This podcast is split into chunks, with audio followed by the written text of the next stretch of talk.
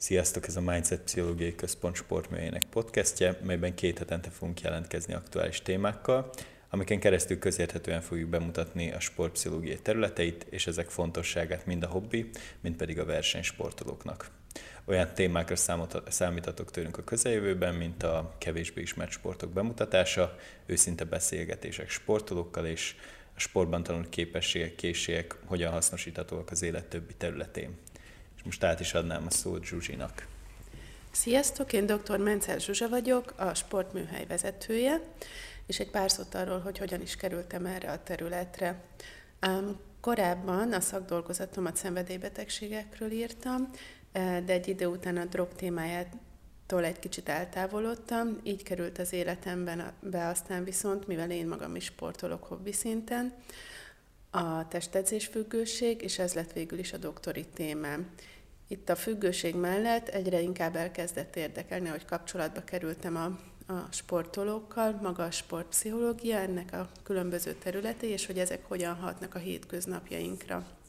Ami egy fontos ráismerés volt, én elsősorban hobbi sportolókkal találkozom, az az, hogy ugyanolyan emberekről beszélünk, mint akik minden egyéb témával megkeresnek a rendelésemen, és hogy hogyan segíthetek nekik, hogy mind a sportban, mind pedig a hétköznapjaikban kiegyensúlyozottak legyenek.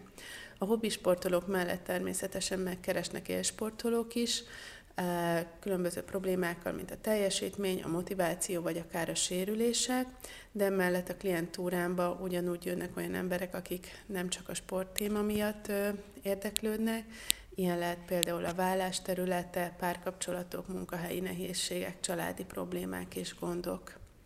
Én pedig átadom a szót Csillának. Sziasztok, én Teplicki Csilla vagyok, és sportpszichológusként végeztem, és sportpszichológusként is dolgozom itt a, a Mindsetnél. Engem is elsősorban így az egyéni érdeklődés vonzott erre a pályára.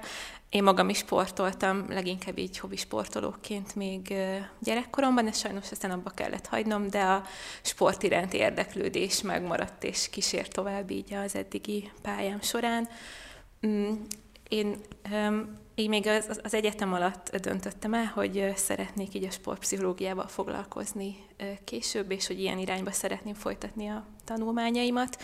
Leginkább egy személyes érdeklődés motivált, illetve nagyon érdekelt ez a különleges klienscsoport, mint a sportolók, akik ugye leginkább máshogy motiváltak, mint a nem sportoló kliensek, és nagyon érdekes egyéni problémákat sport, sportból kapcs, sporthoz kapcsolódó, illetve sportból fakadó teljesítménnyel vagy motivációval, teljesítményszorongással kapcsolatos problémákat hoznak be így a közös munkába sportolók mellett nem sportolók kliensekkel is dolgozom, leginkább olyan témában, mint a munkahelyi gondok, munkahelyi konfliktusok vagy elakadások, illetve szintén párkapcsolati vagy családi problémákkal keresnek még kliensek.